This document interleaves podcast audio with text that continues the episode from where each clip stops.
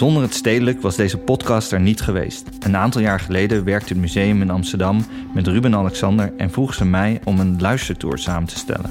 Terwijl ik nog nooit zelf audio had opgenomen, kon ik me geen leukere opdracht voorstellen. Verhaaltjes vertellen. Het werd de start van verwondering. Wandelend door de hoge zalen met een hoofd vol ideeën raakte de rust van dit alles me. Terwijl buiten of op onze telefoons we de hele dag gebombardeerd worden met beelden, nemen we in het museum de tijd om echt te kijken. Een blauw vlak met een wit lijntje krijgt ineens betekenis. Rust creëren, zodat je druk kunt maken om de inhoud. Het werd de kern van mijn ontwerpfilosofie. Maar om meer te zien heb je ook meer perspectieven nodig. Een andere kijk. Hoe iets is gemaakt, wie dat deed en hoe een ander dat beleeft. Als geen ander weet mijn gast van vandaag, Amanda Pinati, de kunst van het maken voor het voetlicht te brengen. Als een Inola Holmes speurt ze naar het verhaal achter een ontwerp. Ooit werkte ze in de winkel van Droog, de aanjagers van Dutch Design, en zag ze producten die zowel radicaal anders als heel menselijk waren. Van Nederlandse ontwerpen, zoals een kast met losse laadjes samengebonden door een riem, tot aan een Braziliaans wasmiddelenflesje met hout eromheen, gemaakt in een favela. Ze zoomde verder in op het creatieve ambacht. Waar beter dan bij de Crafts Council, het landelijke platform voor de maakcultuur. Ze maakte er de befaamde How and Wow tentoonstellingen. Met jonge makers naast gevestigde namen. Een zoektocht naar de ambachtelijke technieken van vroeger en de erfgoedmakers van morgen. Dat ze daarbij ook ver over de grens kijkt blijkt wel. Want in het hart van de Indiaanse stad Mumbai stond Amanda als medeoprichter aan de basis van het designmuseum Dharavi. Exposities die rondreisden als nomaden, gericht op sociale verandering. Constant op zoek naar de grenzen van wat een museum kan zijn. Ze leverde hiermee bijdrage aan het Designmuseum in Londen en het Triennale di Milano. Voor haar PhD aan de VU onderzoekt ze de relatie tussen identiteit en objecten die tijdens de koloniale periode van Indonesië naar hier kwamen. Met een Balinese vader en een Nederlandse moeder staat het onderwerp dicht bij haar hart. Bij het stedelijk mag Amanda nu graven in een archief van meer dan 90.000 items. Een gesprek over historische collecties, nieuwe generaties en de makers van nu. Dit is seizoen 2 van Verwondering. Een podcast over design waar je beter van gaat kijken. Elke aflevering spreekt Harold Dunning met andere ontwerpers en ondernemers over de impact van hun werk. Samen verkennen zij wat een ontwerp goed maakt. Want, gelooft Harold, door samen beter te kijken ga je meer zien. Als de oprichter van strategisch designbureau Momkai is Harold gefascineerd door gebruikerservaringen. En als medeoprichter van journalistiek platform De Correspondent weet hij als geen ander hoe je een merk neerzet en de ervaring voor leden tot in detail ontwerpt. Zijn Momkai-team is dan ook wereldwijd veel gevraagd voor het ontwerpen van een member experience. Verwondering is misschien wel de meest visuele podcast ter wereld. Alles wat Harold en zijn gast bespreken kun je namelijk ook zien. Ga daarvoor naar verwondering.com.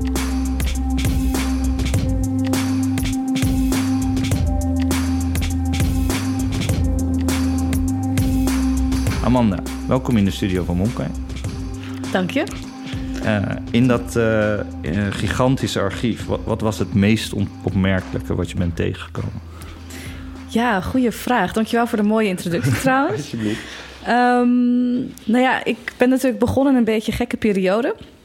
Ik heb echt uh, nou ja, anderhalve maand in stedelijk fysiek gezeten tot ik weer, uh, toen ik weer naar huis mocht.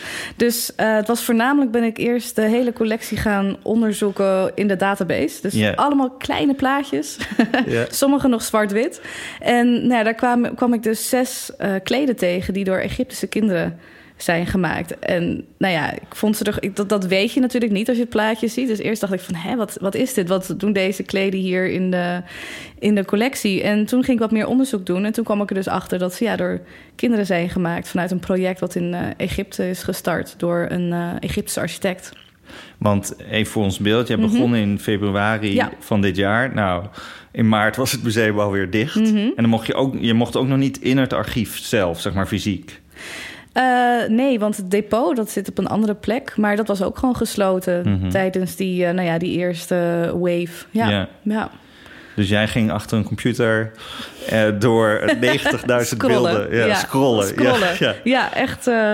ja, allemaal, gewoon allemaal een soort van thumbnails die je dan ja, een bril op en dan kijken wat, je, wat er allemaal is. En uh, ja, en natuurlijk juist 90.000. Nou, mijn uh, de, de, de designcollectie, de vormgevingscollectie is iets minder dan Iets dat. ja. het is uh, 50.000 stuks. Oké, dus, 40.000 kon je laten liggen. Kon ik ja, nog alleen laten liggen. ja. alleen nog En eh, ehm, dat, dat zijn natuurlijk, nou ja, als het heel modern werk is, dan is het goed eh, gefotografeerd. Mhm. Maar ja, het kan ook oud werk zijn en een klein JPEGje, gok ik. Of hoe werkt Absoluut, het? ja, zeker. Want nou ja, je hebt natuurlijk, het zijn dus zoveel objecten, dus die worden niet elke keer opnieuw met de nieuwste technologie weer eh, gefotografeerd. Dus nou ja, deze zijn, ik weet niet precies wanneer gefotografeerd, maar ja, gewoon zwart-wit. Dus toen eh, ik eindelijk naar het depot mocht, heb ik ook die als eerste eruit laten halen om te kijken hoe ze er nou in het echt uitzagen. En dan zie je ze opeens in kleur. En wat, wat sprak je zo aan? Oh, je zag hem nog niet eens in kleur. Nee, nee, nee, ze waren zwart-wit. En, en wat, wat trok je erin aan? Eigenlijk de, de scènes die, eh, die, die op de kleden stonden, of die, werden, ja, die zijn geweven. Ja. En dat zijn namelijk, het zijn hele volle kleden. Mhm. En één heet bijvoorbeeld de potter. En Ja. dan zie je dus heel veel eh, potten en één pottenbakker in het midden. en dat vond ik dus heel erg interessant, want het was zo anders dan eh, de objecten die wat, eh, nou, wat moderner zijn, inderdaad, of wat, wat meer ehm, stijlvol misschien zijn vormgegeven. Ja. Want jouw laatste project, ik denk voor het stedelijk, jouw laatste tentoonstelling, was, ging dat niet ook over kleden? Ja. De One Square Meter eh, Berber? Ja, klopt. Dat is een eh, project opgezet door Mina Aboussara. Het is een eh, Marokkaans-Nederlands ontwerper. En wat zij doet in haar werk is eigenlijk het Marokkaans en het Nederlandse samenbrengen. Dus een, ze bekleedt bijvoorbeeld een rietveldstoel met een, eh een Berber tapijt. Vet. En ehm, Ook iets comfortabeler bij die stoel, denk het zit is heel lekker, het maakt het heel warm, stoel. inderdaad. en ehm, ja, wij wilden eigenlijk heel graag laten zien wat de waarde is van een Berber-tapijt. En Mhm. voornamelijk ook eh, hoe talentvol de vrouwen zijn die ze maken. Maar zij worden eigenlijk altijd... eh, Ze zijn altijd anoniem en ze worden Ja. heel erg weinig betaald. Dus vandaar dat we een eh, project daar rondom hebben gestart. En ja, dus tijdens mijn, mijn eerste maand bij het Stedelijk... moest ik ook nog eventjes naar Marrakesh... om tijdens de 154 Contemporary African Art Fair... daar de tentoonstelling op te zetten. Ja. Gelukkig kon je toen nog naar eh, Toen, Marrakesh. ja, toen konden we nog. En eh, was, ook, wa- was eigenlijk iedereen er ook wel. Hè? Uit, Ja. eh, uit Noord-Afrika, maar ja, ook uit West-Europa. En dat was heel fijn. Maar het paleis waar die tentoonstelling nu is, is ook gesloten. Dus de werken die, die zijn er ook nog Oh. steeds. Ja. En, ehm, want de vrouwen die die, die eh, tapijten weven, die ontwerpen ze ook zelf. Ja, Toch? ja, maar het, het zijn niet van die. het zijn geen vrouwen die het van tevoren ontwerpen. Dus die tekeningen maken. Of Mhm. ze, ze doen het echt heel erg vanuit hun eigen hoofd of vanuit hun eigen hart eigenlijk. Dus wat ze willen maken, dat eigenlijk vormt dat in het maakproces. Ah, oké. Ja.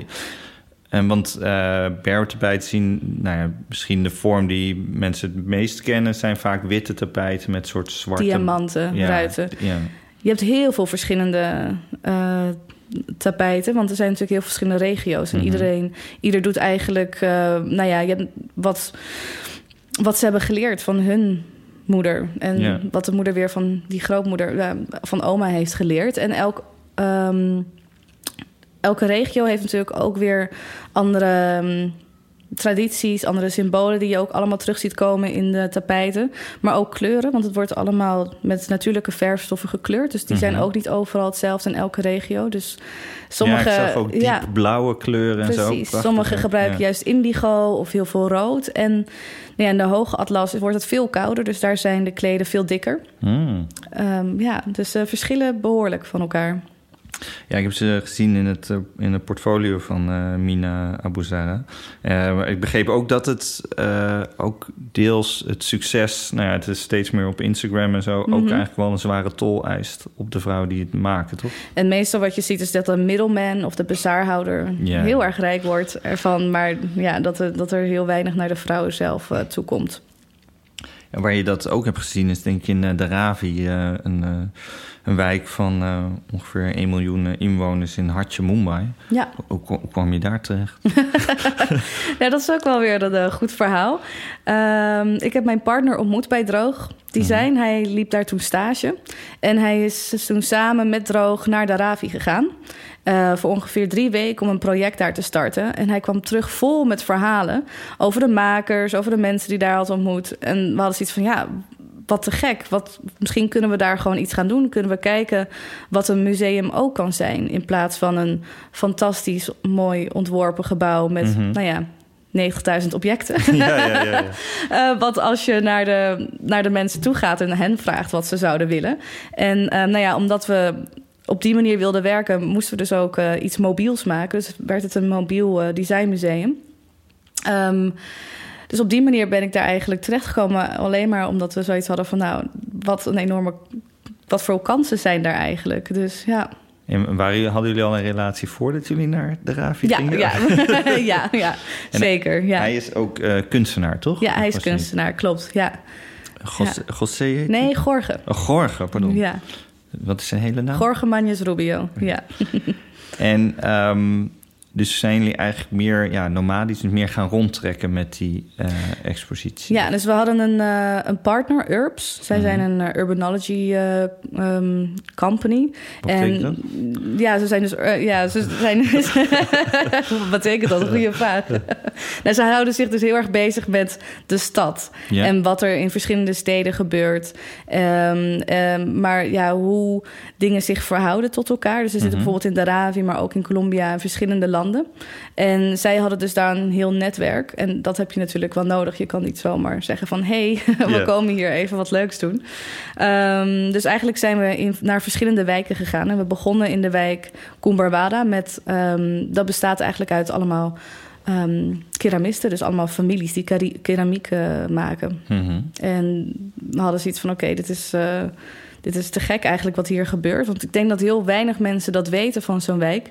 Is dat ehm, het eigenlijk helemaal opgezet is door de mensen zelf. Dus er zijn ziekenhuizen, er zijn riolen aangelegd, politiebureaus, scholen. Ehm, dus dat wordt allemaal van ehm, nou ja, bottom-up gedaan. Maar dus zonder inmenging van de overheid. Ja. Dat is oké. Maar er was nog geen museum. Dus we dachten, ja, een mooie plek om Ja. eh, dat daar te bedenken. En toen zijn we eigenlijk gaan samenwerken met eh, familie eh Chauhan. Mhm. En we vroegen aan hen van, goh, wat doen jullie eigenlijk? Wat hebben jullie nodig? En ze zeiden van, nou, we hebben eigenlijk niet zoveel nodig... want onze business is booming. Dus, eh, hun producten die worden verscheept eigenlijk over de hele wereld. Oh, van, wow. Ja, dus het wordt in, in Mumbai zelf gebruikt. Niet per se Mhm. in de wijk, maar wel in Mumbai, in het grotere Mumbai. Maar ook in Dubai bijvoorbeeld. En nou ja, ik, je gaat altijd ergens heen met een idee... En dat idee was compleet anders. Toen ik daar kwam, dacht ik van oké, god, dit is wel. eh, deze mensen hebben gewoon een enorm internationaal netwerk. En want zij ontwierpen waterzuiveringsinstallaties. Van alles. Ja, ook eh, de shisha's ja. bijvoorbeeld. Dan Ja. heb je dan weer kleine dingetjes voor nodig. Theepotten, eh, pannen. Alles eigenlijk wat je nodig hebt. Potten voor een keramiek. En was het dan ook confronterend om erachter te komen... Hey, ze hebben eigenlijk al dat internationale netwerk. Had je een ander beeld voordat je ging? Ja, nou ja, zeker. Ik dacht, Kom iets brengen? Of? nou nee, we wilden juist, we wilden gewoon iets samen doen. Het Ja, was voor ons Ja, vooral, voornamelijk een experiment. Ja. Het was niet soort van dat hele white savior idee van... oh, precies. we gaan even, hè, we gaan Ja. hier... Want we- op een gegeven moment ehm, hebben we best wel veel aandacht gekregen met het project. En zaten op, ook op het podium eh, bij de New York Times Conference. En toen de eerste vraag die aan ons werd gesteld was... waarom zijn jullie geen wc's gaan maken Wauw. daar? En we hadden zoiets van, nou die zijn er al. Ja. En ik weet niet hoe dat moet, dus dat Ja. lijkt me niet zo handig. en wat wij voornamelijk wilden doen is eigenlijk... dus de mensen een podium geven... zodat ze konden laten zien wat ze allemaal doen. Dus het talent wat er is. Ehm, de mensen in Mumbai kijken ontzettend neer op de wijk... en proberen die ook te mijden. Terwijl het echt midden in Mumbai zelf is. En dat is ontzettend zonde, want er wordt dus nou ja, heel veel gemaakt... dat dus ook in Mumbai zelf wordt gebruikt.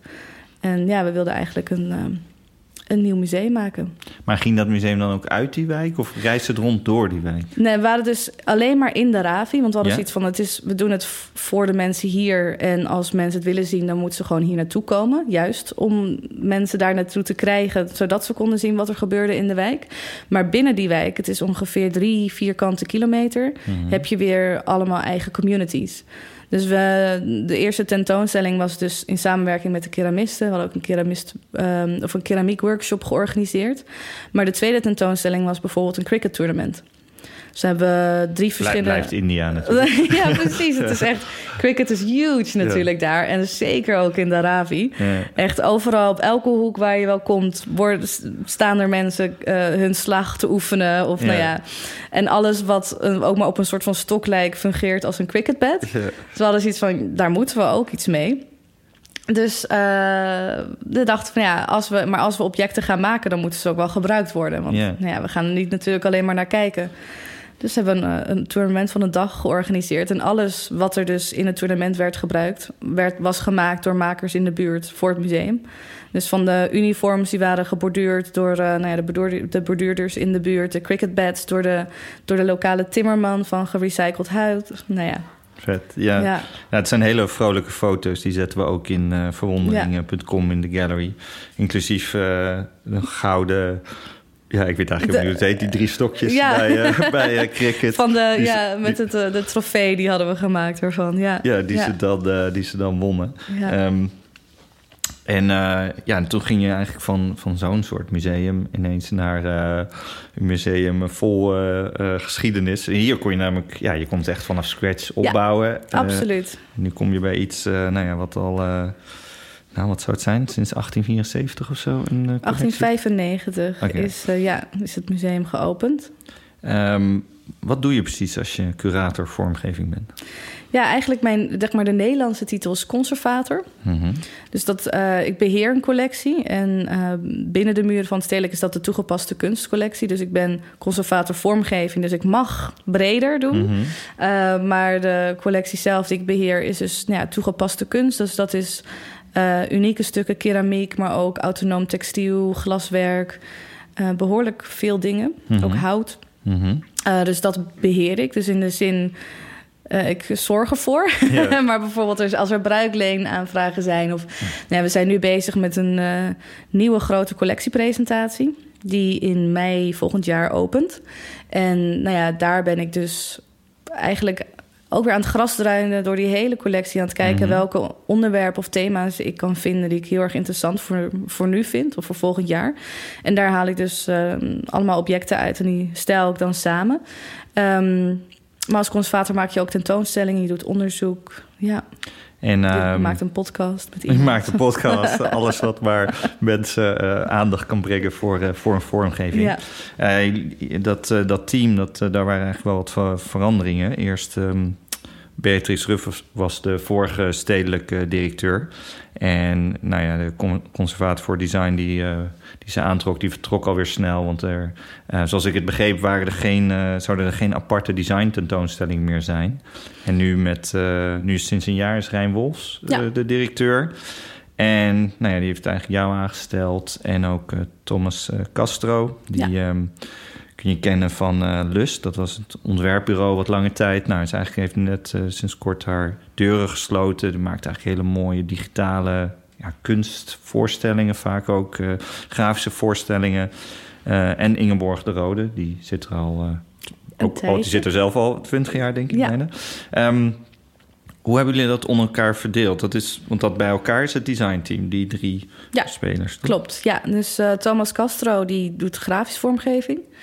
En dat is echt wel een, eh, een enorme grote collectie. Allemaal ja, affiches en werk op papier. En Ingeborg die beheert de industriële vormgeving. Dus ja, alles wat in oplagen is gemaakt, maar ook de meubels. En eh nou ja, maar met z'n drieën werken we eigenlijk ook veel samen. Dus we kijken ook samen naar de collecties. Mhm. Ehm, af en toe mogen we iets aankopen, mogen we voorstellen daarvoor doen. Dus dan, eh, nou ja, dan toetsen we het wel eventjes aan elkaar van... goh, is dit, is dit interessant of wat vind jij hiervan? Dus op die manier werken we samen. En eh, ik ben nu ook bezig met een tentoonstelling samen met Ingeborg. En dat eh, gaat over uh, materialen en technieken. En hoe belangrijk die nu zijn in het licht van klimaatverandering bijvoorbeeld. Ja. En um, wat trof je eigenlijk aan toen je bij het museum kwam? Want dan, nou, het was allemaal net veranderd eigenlijk. Mm Rijn was er net. Ja. Uh, nou, het museum ging op een gegeven moment uh, snel weer dicht. Maar hoe wordt design nu beleefd? Want ik ervaarde het zelf een beetje als het werd eigenlijk steeds meer een ondergeschoven kindje. Het was eigenlijk niet zo belangrijk als, als bezoeker. Mm -hmm. um, um, hoe kijken jullie daar nu naar? Ja, nee, het was natuurlijk nog wel de... Ingeborg heeft nog de Studio Drift tentoonstelling mm -hmm. gemaakt. Die was wel... Ontzettend goed ontvangen. Ja, dat, dat was prachtige nog, lichtinstallaties ja, in, de, in, de, in, de, in het oude gebouw. Het, het uh, Steekmuseum bestaat uit een oud gebouw en eraan vast een, een nieuw gebouw. Oh, een ja. nieuw gebouw wat mensen dan de badkuip noemen. Klopt, maar wat volgens mij bij het stedelijk de base, de base of zo heet toch? Het heet de base. Ja, beneden heet het inderdaad. Ja, het is de base van basement, I guess, oh, maar okay. of van basis, de base. En dat is waar we de collectiepresentatie nu hebben, maar dat gaat dus ook veranderen. Want, en, uh, want van Studio Drift, dat zagen we nog in, de, in het uh, oude gebouw. Ja, dat had ja. uh, Ingeborg de Rode dan samengesteld. Ja, nog. klopt. Ja. Met ontzettend mooie, mooie werk, die ook allemaal bewegen. Ja, mensen die reageren daar ontzettend goed op. Mm -hmm. Dus op zich was dat er natuurlijk wel. Maar um, Rijn Wolfs vindt design heel erg belangrijk. En dat merken we wel heel, heel erg. Dus we krijgen er ook veel vrijheid in om, nou ja, om gewoon echt vanuit de collectie veel werk te tonen. Maar ook met nieuwe tentoonstellingen te komen. Te laten zien hoe ma maatschappelijk relevant uh, vormgeving is nu. Ja. En als je zegt mensen reageren er heel goed op, waar, waar, wat, wat, wat meten jullie dan? Hoe het in de krant staat of hoe het op social media gaat? Of hoe, wat, hoe, hoe... Oh, nou ja, dit is meer mijn eigen idee. ik, als ik zeg maar nu nog naar de foto's kijk die toen zijn genomen, dan hoe eigenlijk mensen met de werken omgaan. Het, mm -hmm. is, het is namelijk. Wat zie jij dan? Het zit, dat die werken zitten een beetje op het snijvlak, denk ik, in. Hè, tussen vormgeving en, en kunst. Ja. En als je dus naar die foto's kijkt, dan zie je die enorme mooie werken die bewegen. En mensen die eronder liggen, die er echt naar echt een soort van reflectiemomenten die ze nemen. Mm -hmm. En nou ja, dat vind ik heel erg bijzonder. Ja. Je hebt zelf ook een uh, zaal uh, samengesteld. Ja. Uh, waar je eigenlijk ook een beetje die dat snijvlak tussen kunst en, uh, en design ziet. Uh, een van de werken in jouw zaal is uh, Phoebe 4 van Marcel Wanders. Dat is een soort verticaal scherm met erop een video die loopt. Van een jonge vrouw die ja, poedelnaakt is en een soort grote lichtgevende bollen rond haar hals heeft. Persoonlijk vond ik het vrij ongemakkelijk. Het is een meisje die, die door een ontwerper van 50 gereduceerd wordt tot een soort lampenstandaard. Ja, klopt. waarom staat dat daar? Ik vond het heel erg belangrijk om ook die werken te laten zien. Um, ik denk dat we nu op een heel andere manier kijken naar uh, de vrouw, of het vrouwelijk lichaam of lichamen sowieso. En, um, maar seks zelfs nog altijd. Mhm. Mm -hmm. En dat zie je dus heel erg in dit werk. Want dit werk is dus ook nog helemaal niet zo heel oud. Het komt 2013? Uit... Ja, ja, precies. En in plaats van dat zeg maar te verstoppen, zo van oké, okay, dat moeten wij, dat is niet meer het beeld wat we nu hebben of wat we, nou ja, waar zeg maar waar ik eigenlijk naartoe wil met, met de collectie, wilde ik het juist ook wel tonen en met een kritische noot. Dus vandaar dat er ook daarnaast ligt een, uh, een ontworpen boekje van Caroline Bonen waar de vraag wordt gesteld hoe vrouwvriendelijk is ontwerpersland. En juist daardoor wil ik mensen eigenlijk, nou ja aan het denken zetten. Dat is een boekje met allemaal quotes. Toch? Ja, klopt. Ja. Nou, ik vond het wel interessant, want wij liepen natuurlijk samen door het uh, museum. Of natuurlijk, dat is de luxe van de podcast, dat, ik, dat ik jou mag, uh, mocht vragen voor een rondleiding. Um, uh, want daar merkte ik goed, zeg maar, als je dus vluchtig doorheen loopt, dan denk je ook, dan zie je eigenlijk alleen het, ja, in mijn optiek een beetje banale aan, mm -hmm. zeg maar. Hè? Dus een, een vrouw is, is, is, is, is gewoon een lampenstandaard. Een object. En een object geworden, ja. een object geworden mm -hmm. om, om je product mee uh, te toon te spreiden of te verkopen. Terwijl als je pas uh, meer inzoomt, en niet zozeer inzoomen in, in die zin dat je op het bordje kijkt, maar mm -hmm. eigenlijk kijkt welk waar, werk ernaast staat, ja. dan word je eigenlijk meer geprikkeld. Um, want er hingen ook andere werken, re reclameposters met een soort borsten. Dat als je er de eerste keer naar kijkt, denk je ook, dit is een vrij platte manier om. Nou, Wat waren het? Het, het- Het, waren, eh, het zijn affiches om eh, real estate te verkopen. Ja, dus en het enige wat we zien zijn Het zijn, eh, het, borsten. was, ja, het, waren, het zijn dus ja, een paar borsten met een, eh, met een arm omhoog. En in de oksel zie je dus een soort van grasveldje. Ja, En dat is dan natuurlijk de, de, de green lawn die je probeert te verkopen. Hè? En, eh, Dat gras is altijd groener Ja. bij de buren. Dus nou ja, dat is dan het idee. Ehm, maar daar, daar tegenover hangen dan weer de, de Scandal Beach Van Pinar en Viola. Die ook weer dat soort gekke dingen die ehm, nu aan de hand zijn aan de kaak proberen te stellen. En dit gaat dan heel erg over de seksschandalen Mhm, in de politiek. mhm. Dus ze hebben een soort van fictieve politicus bedacht... die daar dan heel zelfverzekerd staat. Eh, en hij hangt, die hangen dus precies tegenover die borsten. Dus Ja. ja, een soort van voyeuristisch. Ehm, hoe, hoe was dat om voor het eerst zo'n zaal in te richten? Ik, ehm, geeft dat heel veel druk? Nou, ik vond het vooral heel erg spannend, want we hebben dus zo'n enorme grote collectie. Want dit Mhm. was dus een zaal vanuit de, vanuit de collectie. Dus dat is dat, die, die base. Dus nou ja, dan ga je dus kijken wat er allemaal is. En je, zou, je kan alle kanten op. Dus wat, waarmee begin je en wat kies je? En eh, ja, we werken natuurlijk samen als een team. Dus met alle conservatoren. En ehm, dus je presenteert dingen aan elkaar. En op een gegeven moment kom je dan met een thema wat werkt. Ja. Ja, omdat het heel interessant is. Dat, je- dat werk wat we net aanhaalden, dat is dan uit 2013. Hoe snel eigenlijk ons eh, perspectief op wat, Mhm. ja, wat, wat, wat nog eh, acceptabel is daarin, zeg Ja. maar. Hoe, eh, eh, ehm, hoe, je dat, nou, hoe dat veranderd is, denk ik. Ik weet niet, ehm, heb je daar meer reactie op gehad, op dat werk? Eh, nee, nog niet zelf. Ze hebben me nog niet gevonden om Oké. me te vragen. Dus nou ja, Ehm, nu weten mensen dat ik erachter zit. Dus ja, nu weet ze Nu ja, ze dus- Zeker, ja. ja. Ehm, eh, wat ik niet, eh, ook eerst niet wist, eh, waar je ook achter zat, was het, ehm, het werk van Farida Sadok, die een poster heeft ontworpen naar aanleiding van de Black Lives Matter protesten eerder dit jaar. Hoe, hoe ging dat in het werk? Eh, ja, dat was. ehm, we hadden toen een vergadering ook met alle conservatoren. Online was het natuurlijk van de Mhm. zomer. Ehm, dat was net natuurlijk toen eh, George Floyd was vermoord. Mhm. En wij wilden graag als museum daarop reageren. En, maar hoe doe je dat dan? Want je wil solidair zijn, je wil een statement maken, je wil laten zien dat het stedelijk voor een samenleving is waar racisme eigenlijk niet meer bestaat. Maar Mhm. goed, een hele lange weg. Ehm, dus we hadden een vergadering met alle conservatoren. En, maar Thomas Castro was er toen nog niet. Dus we hadden geen conservator voor grafische vormgeving. Want we hebben veel affiches in de collectie die over racisme gaan. Of nou ja, zelfs nog apartheid. Al dat soort zaken.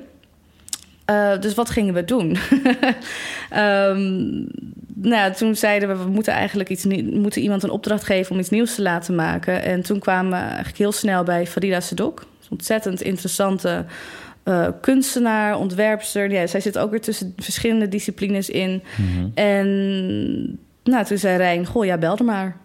Dus toen heb ik eh, Farida gebeld en gevraagd van... wil jij een poster ontwerpen als reactie op de Black Lives Matter movement?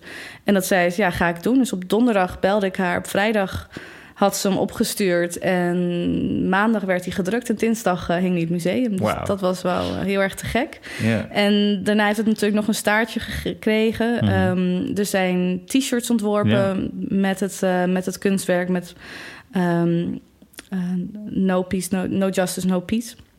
En Want we zien, het, het zijn eigenlijk, heeft zij de Black Lives Matter, eigenlijk, eh, je twee hoofdjes die een Ja. soort diapositief zijn van elkaar. Zijn Klopt. Eigenlijk eh, eh, zwart en wit. mhm. En dan daarboven zien we de letters eigenlijk gekruld. En we zien, denk ik, een soort foto van het... van het protest op de Dam. op, de, op de Dam. ja, met alle spandoeken en borden en een aantal hashtags... zoals die van Kick Out Zwarte Piet, maar ook Black, ehm, de Black Archives. Mhm. En nou, daar is dus een t-shirt van gemaakt in samenwerking met verschillende black-owned businesses in Amsterdam, zoals bijvoorbeeld Patta. En nou, die t-shirts die, eh, die werden alleen maar gemaakt als eh, pre-orders. En die zijn echt als warme broodjes over de toonbank gegaan, gelukkig. En 100% van de opbrengsten zijn dus ook naar eh, de Black Archives en Kick-Out Zwarte Piet gegaan. En daar stond het stedelijk bijvoorbeeld helemaal buiten. Mhm. Maar het was, het wel iets te geks dat dat ook gebeurde. Naar Nou- aanleiding van, die, van dat affiche. Ja. Ja, want ik, ik had eigenlijk eh, voor deze podcast eh, ging researchen. Had ik helemaal niet door dat ik kende de poster. Ik zag hem Mhm. overal op mijn tijdlijn. Maar ik had helemaal niet door dat eh, dat, dat, nou ja, dat, dat ontstaan was in, de, in het gesprek tussen, tussen jullie vanuit het Stedelijk en Farida Sedok. ja. Ehm, en het hangt nu in het eh, stedelijk. Als je binnenkomt in de oudbouw, zie je het op de wand eh, een aantal keer herhaald, Ja, gedrukt klopt. eh, hangen. En het affiche is ook te koop in de winkel. Mocht mensen geïnteresseerd zijn. De online winkel van stedelijk, denk ik dan, toch? Nou ja, nee, in de, in de fysieke winkel. Ah ja, in de Ja, fysieke ja. winkel, oké. En bij Patta, bij Daily Paper, bij allerlei initiatieven hadden volgens mij meegewerkt, toch? Aan de t-shirt. Ja, Ja, een t-shirt, ja. Maar die is dus niet meer te koop. Oh, die is nu niet nee, meer te nee koop? dat was echt alleen maar dus als pre-order. Oké. Ja.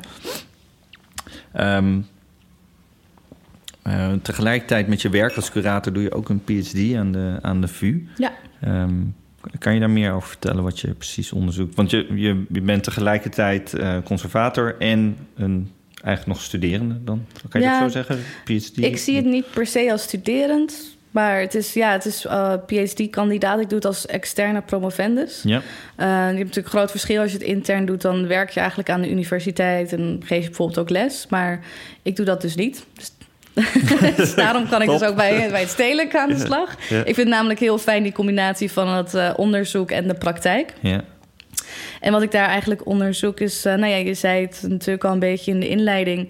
ehm, hoe objecten die vanuit Indonesië naar Nederland zijn gekomen tijdens de kolo- koloniale tijd, hoe die een rol spelen of wat die kunnen betekenen voor een jongere generatie van Nederlanders die zichzelf identificeren met eh, nou ja, of als Indonesisch-Nederlands in hun struggles of worstelingen met identiteitsvorming, maar ook met het hele idee van belonging. Dus waar Mhm. hoor je bij? En ehm, die objecten die bevinden zich in musea, zoals bijvoorbeeld in het Tropenmuseum heeft Mhm. heel veel van dit soort objecten, maar ook natuurlijk heel erg bij mensen thuis.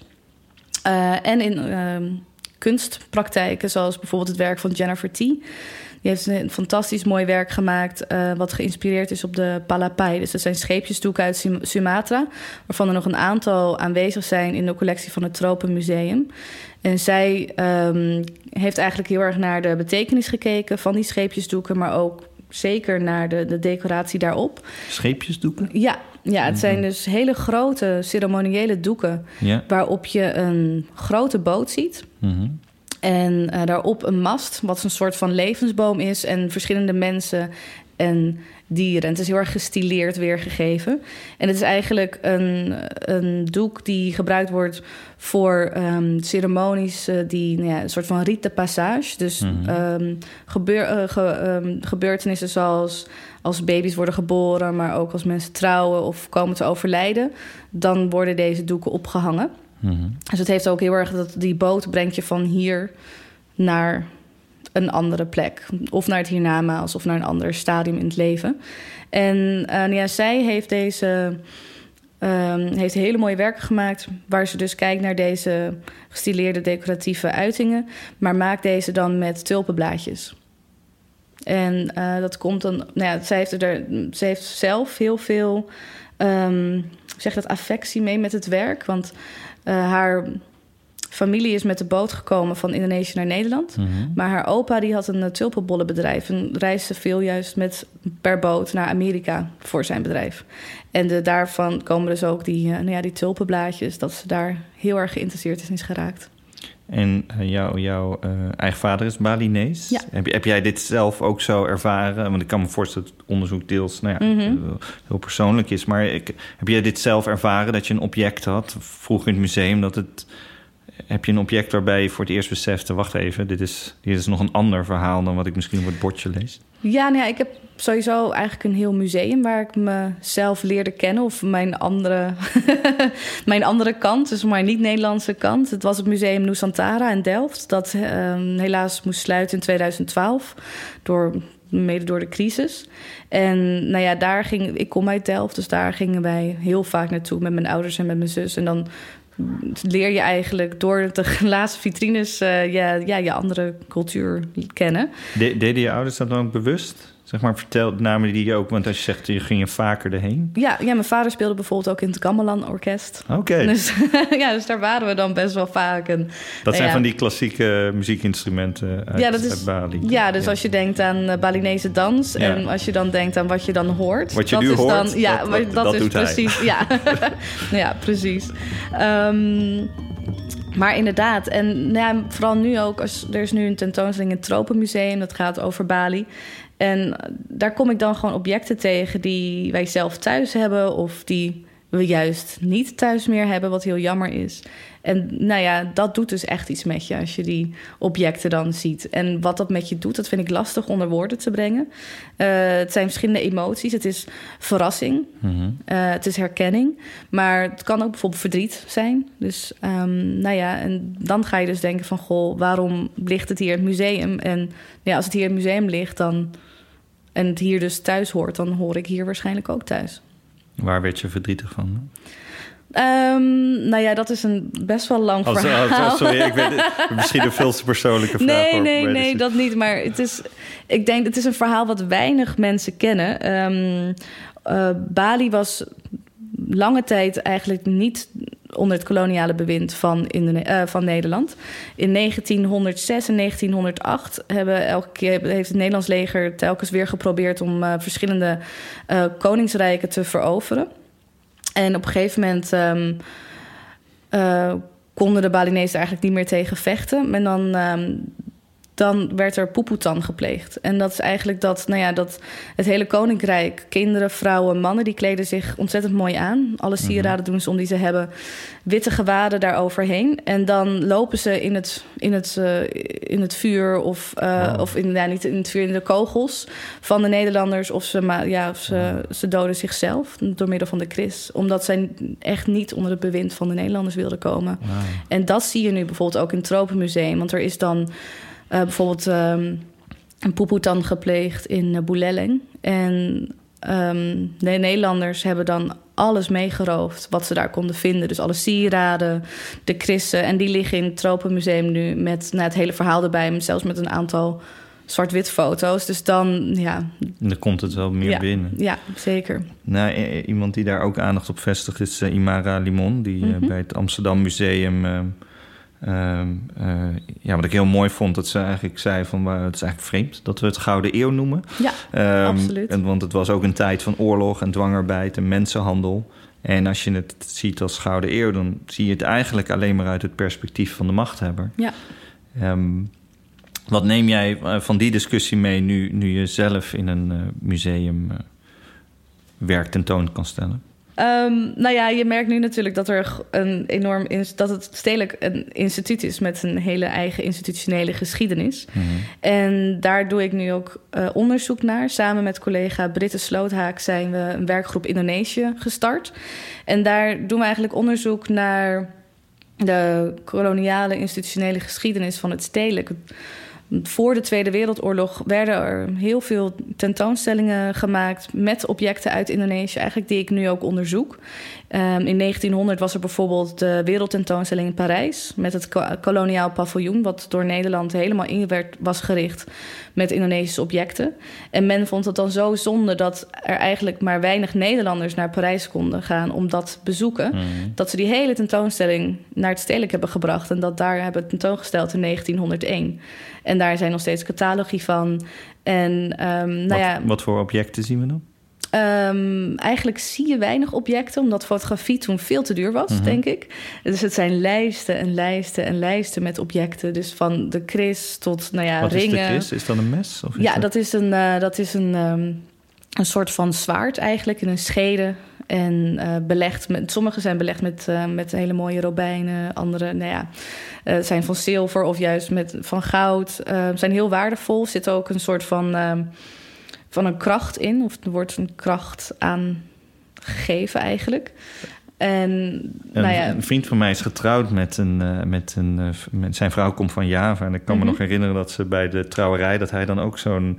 Dat is dus een kries, zo'n heel groot... ook zo'n mes had. Eigenlijk dan ging ze helemaal in gewaad in, eh, op Java. Ehm, dus dat is eigenlijk meer symbolisch... Of tenminste tegenwoordig is dat meer een sierwapen dan. Ja, dat, dat, dat is het. Maar dat was het vroeger niet per se. Ik bedoel, Nee, nou, je ja. vertelde er net over Ja, in, die, ja. die vre- in dat vreselijke voorbeeld... Eh, dat, dat ze daar ook zelfmoord mee Ja. eh, pleegden. En, eh, maar bijvoorbeeld in 1947 was er een tentoonstelling in het Stedelijk... ehm, met werken van de Jaya-broers. Die waren hier in Nederland, die, zaten aan de, die studeerden aan de Rijksacademie. En die streden dus echt voor onafhankelijk Indonesië.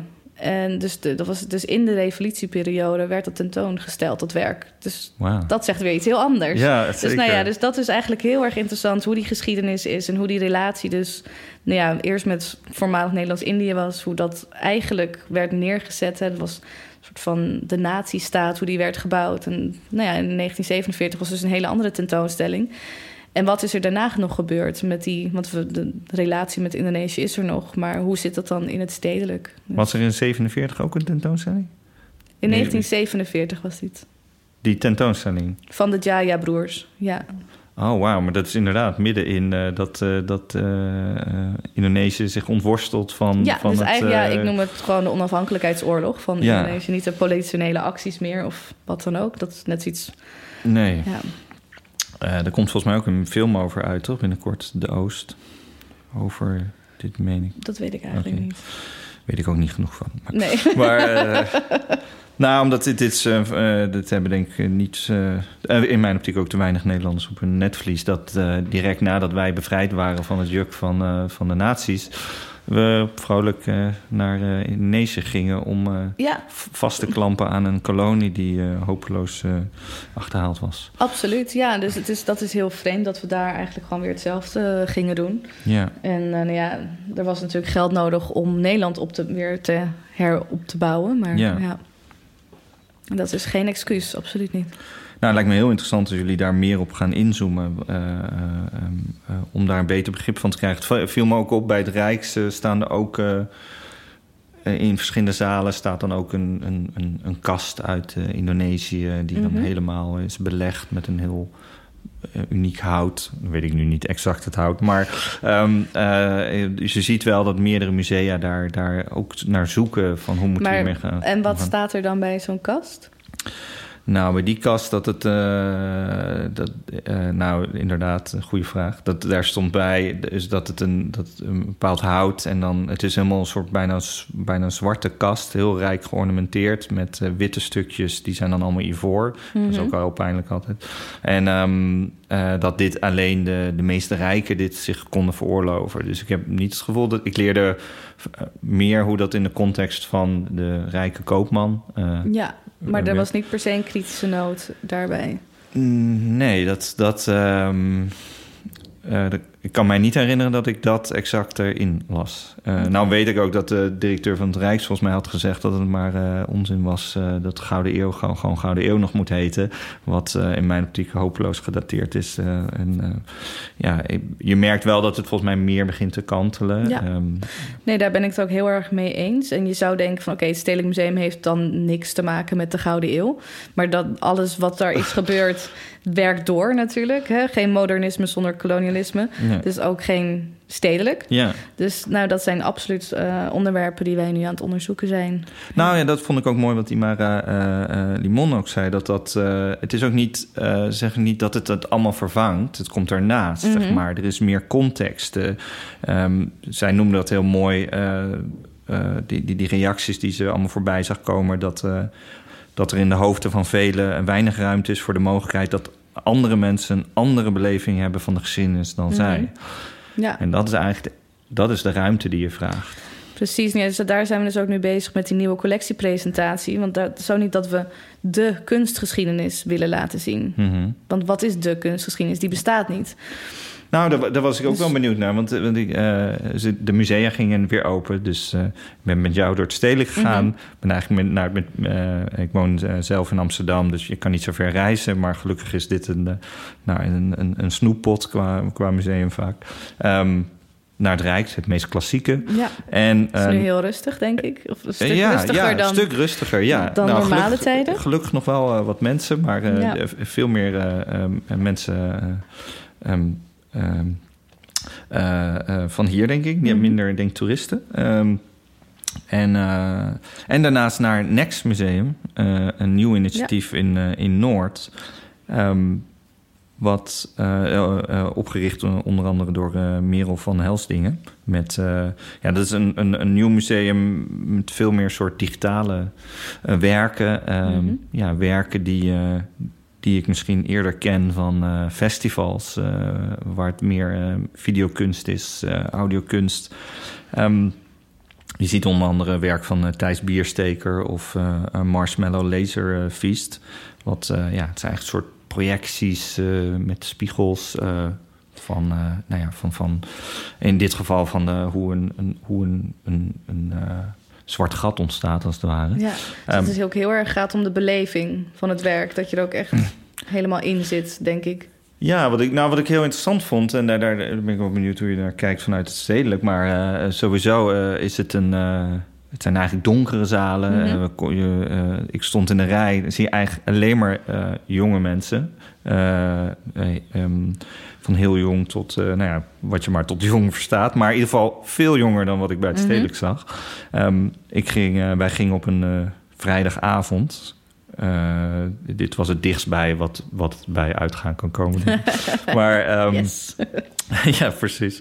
En, um, uh, maar ja, je gaat door verschillende zalen heen en je hebt de zaal daarvoor, wordt het eigenlijk gecontextualiseerd wat je mm -hmm. gaat ervaren in de zaal ernaast. En ik ervaar dat wel weer als een heel fris perspectief. En uh, iets wat ik wel eens mist bij het uh, stedelijk, waar het dan soms zo uh, ja, ook wel vrij formeel op mij overkomt. Hoe, ben jij er zelf geweest bij Next? Nog niet. Nee, het is het zeker staat nog op mijn lijstje. Absoluut. Um, maar wat vond jij er vernieuwend aan dat er in één zaal wordt iets wordt gecontextualiseerd en daarna ga je er eigenlijk in zonder dat je dan gaat het echt om de beleving zelf. Nou, uh, deels dus uh, dat, uh, dat het. nou, wat ik heel fris vind, dat iemand dat mensen dat zelf opstarten. Als mm -hmm. ze zeggen, nou, ik mis iets, vind ik altijd mooi als mensen zelf iets initiëren. Het is ook vrij prijzig, vond ik. Het is 25 euro, ja. maar je kan met je museumkaart er niet in. Maar daarom vond ik het extra leuk dat, het, nou ja, dat je veel jonge mensen zag, heel divers. Mm -hmm.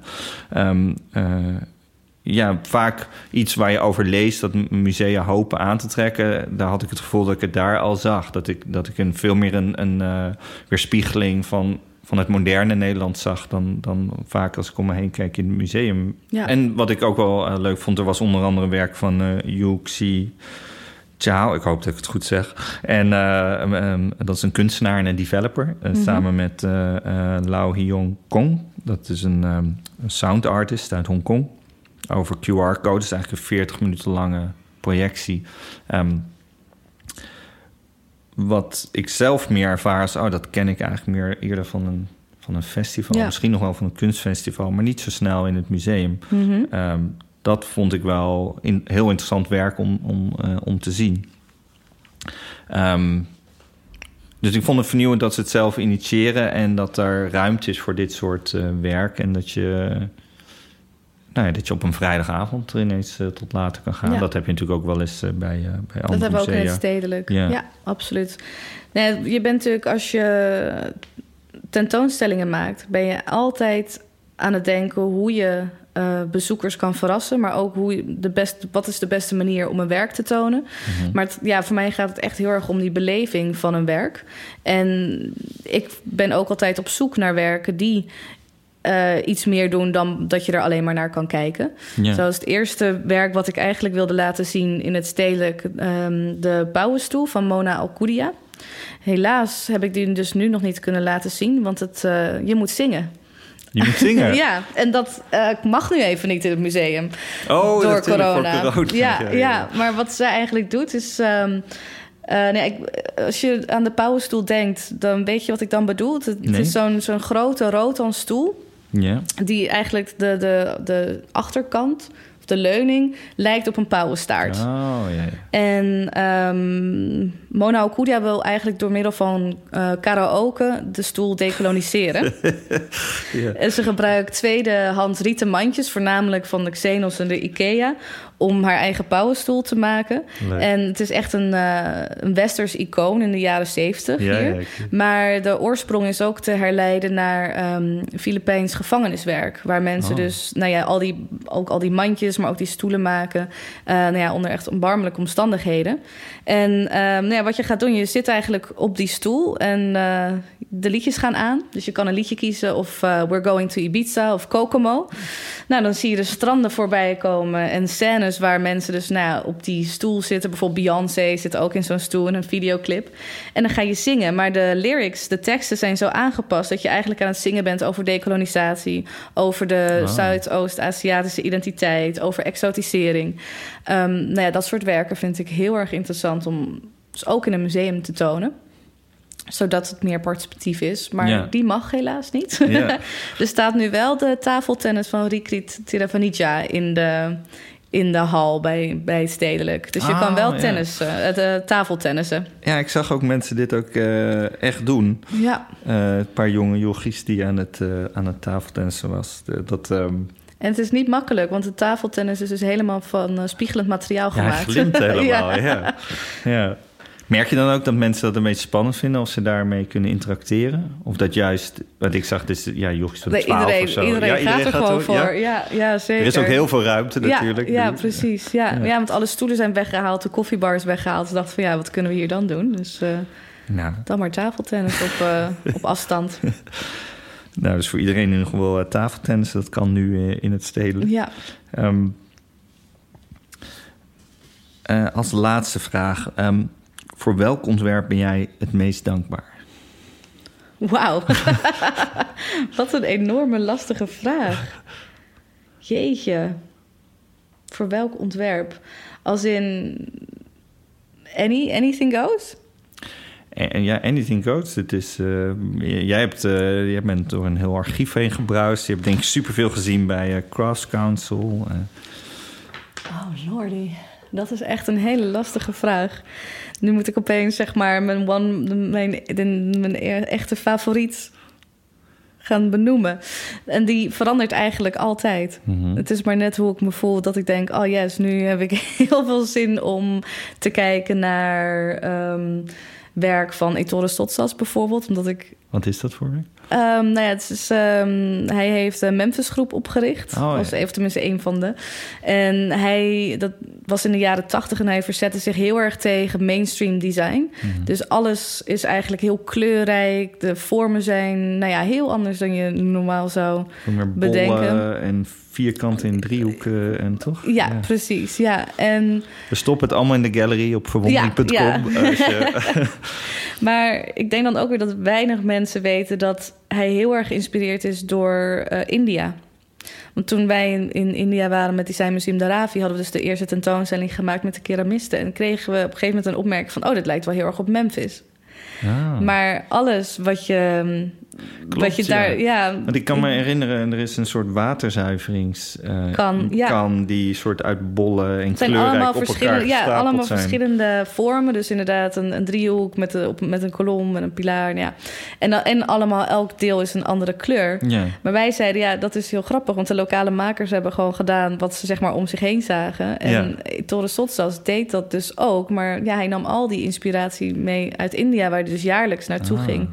Dus nou ja, dat zijn hele... Hele, dus ja, voor mij, ik vind het heel lastig om één ding te kiezen. voor mij gaat het dus ook heel erg over het verhaal achter het werk.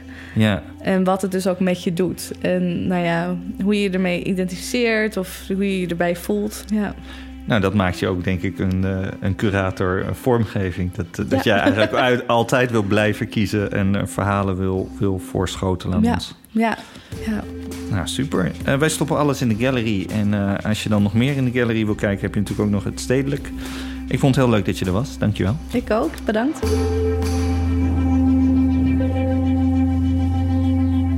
Wil je met jouw organisatie, groot of klein, start-up of skill-up, ook eens met Haddels designteam werken? Ga dan naar momkai.com of stuur Harold een berichtje op Instagram. Heb je reacties, tips of ideeën voor een gast? E-mail ons via podcast.verwondering.com.